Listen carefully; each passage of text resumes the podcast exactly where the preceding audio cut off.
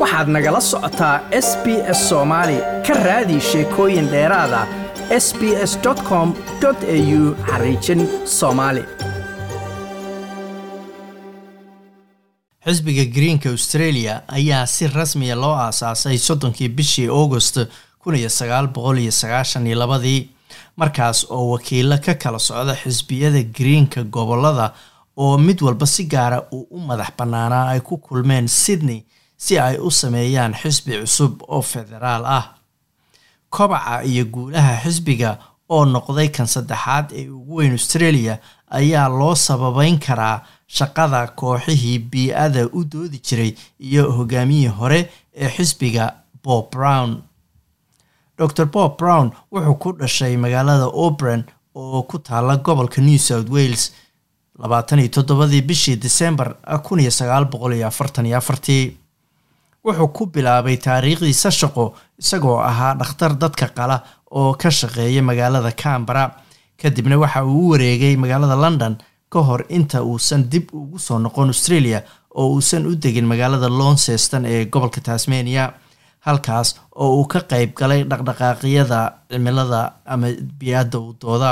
isagoo sidoo kale ahaa dhakhtarka xaafadda ama waxaa g b ga loo yaqaano kun labadii wuxuu xubin ka noqday xisbigii greenka ee ugu horreeyey oo loo bixiyey united tasmanian group oo dad badani ay ku sheegeen inuu ahaa kii bilaabay xisbiyadii greenka ee madaxa bannaanaa ee gobollada dalka ka hirgalay.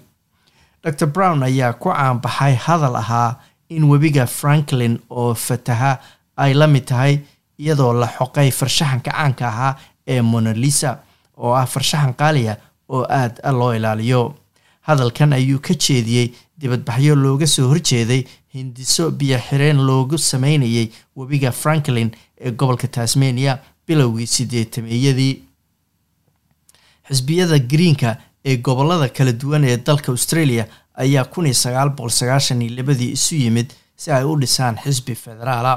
dor brown ayaa kun iyo sagaal boqol sagaashan iyo lixdii noqday xildhibaankii afraad ee ka tirsan dhaqdhaqaaqyada greenka australia oo gala baarlamaanka federaalka. Laba sano kadibna wuxuu ahaa xildhibaanka keliya ee xisbiga oo ka tirsan baarlamaanka. Laga soo bilaabo bilowga qarnigana xisbiga greenka australia waxay bedeleen xisbigii dimuqraatiga ahaa oo ahaa xisbiga saddexaad ee ugu weyn australia oo ay dadku u codayn karaan marka laga reebo labada xisbi ee waaweyn professor clement mcintyre oo culunta siyaasadda ka dhigay jaamacadda adelaide ayaa sheegay in kobaca xisbiga greenku uu ka turjumayo sida codbixiyaashu ay ugu baraarugsan yihiin arrimaha bii-ada iyo siyaasadda isbeddelka cimilada wixii ka dambeeyey bilowgii sannadihii labadi kun marka dadku ay sii ogaadaan oo ay ka warqabaan muhiimadda isbeddelka cimilada iyo dhibaatada ay dhaqaalaha ku hayso iyo walaaca weyn ee laga qabo mustaqbalka bii-adda dalkan australia waxaa soo baxayay inay sii kororto xiisaha ay dadku u hayaan siyaasadaha bii-adda laakiin waxay kaloo ila tahay in sidoo kale aysan isaga soo aadin waqti xisbiga dimuqraatigu uu hoos u dhacay. Codbixiyaasha australiana ay inta badan doonayaan inay helaan xisbi saddexaad oo gala aqalka sanadka iyadoo xisbiga dimuqraatiga loo arkayay inuusan hadda muhiim ahayn. Markaas ayuu xisbiga greenku booskiisii galay ayuu yiri rofesorku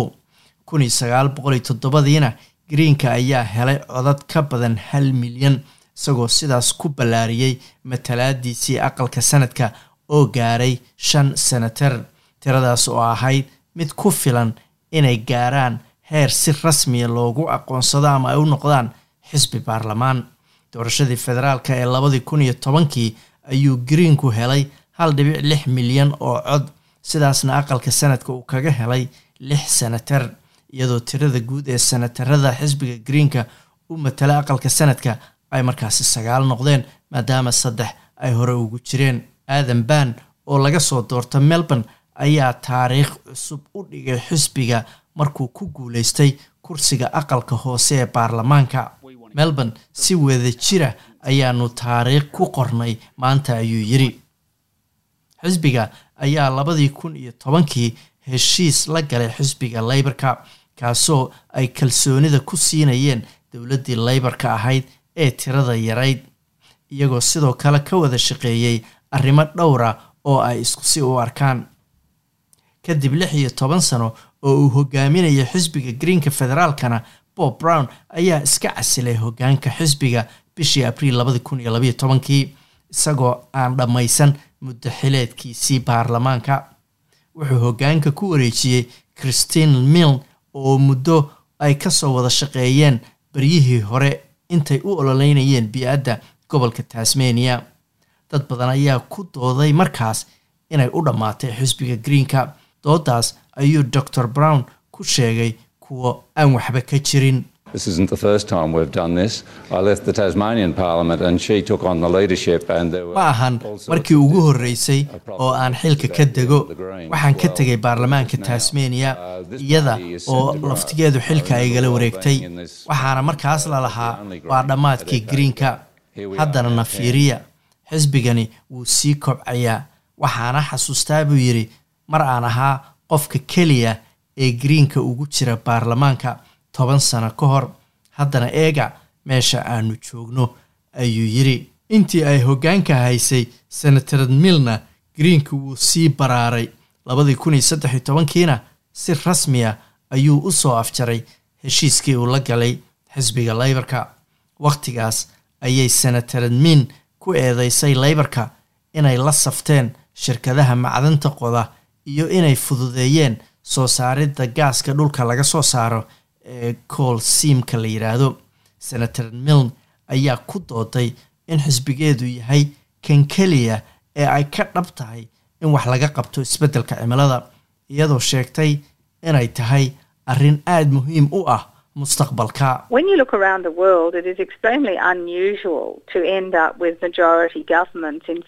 Marka aad adduunka oo dhan eegto aad ayay u imposing yar on tahay in hadda la helo dowlad iyadoo aqlabiyad kula baarlamaanka. runtiina waaba dhif iyo naadir. waxaan joognaa food caqabadaha ugu waaweyn ay ka imanayaan bii-adda maadaama koonkii of adduunku sii kululaanayo. Taasina waxay saameynaysaa arrimaha gaashaandhigga waxay saameynaysaa dhaqdhaqaaqa dadku ay adduunka u kala socdaan. Waxay saameynaysaa cunto yarida. Waana sababtaas tan aan u aragno in xisbiyadii wey- waaweynaa ay hoos u dhacayaan. Kuwa sida greenka oo kale ahna ayba sii kordhayaan. Xisbiga greenka ayaa waxaa soo hogaamiyey senator richard dinatali oo intuusan baarlamaanka soo gelin ahaa dhakhtar ka shaqeeya caafimaadka dadka aboriginalka ee gobolka northern territory. Xisbiga greenka ayaa aqalka sanadka ka helay sagaal senatar hal xildhibaan oo aqalka hoosaa labaatan iyo saddex xildhibaano baarlamaanada gobollada kala duwana iyo in ka badan boqolaal ah xildhibaanada golaha deegaanada oo ay ku jiraan meeyaro ama duqyada magaalooyinka. Xisbiga ayaa sheegay in ujeedadoodu tahay in xal cadaymo wata ay u helaan dhibaatooyinka australia ay hadda wajahayso. Arrinta ugu weyna ay tahay sinaan la'aanta dhanka dhaqaalaha qiimaha maciishada oo sii kordhaya burburka bii-adda iyo wax ka qabashada isbeddelka cimilada.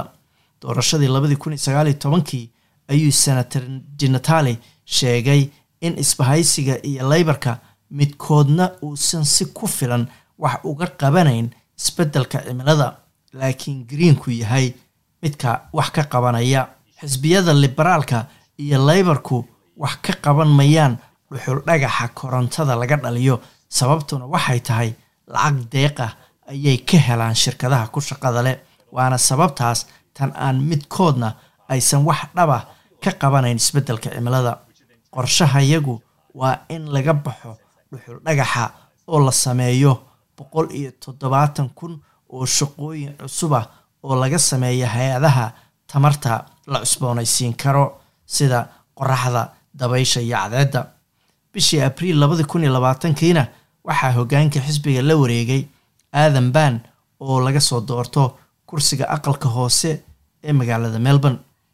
Waxayna u muuqataa in siyaasadda isbeddelka cimilada iyo yareynta qiiqa hawada lagu sii daayo ay door weyn ka ciyaari doonaan doorashada sanadkan ee la filayo bishan may kow iyo labaatankeeda. Like aas la wadaag wax ka dheh lana soco barta facebooka ee sb s soomaali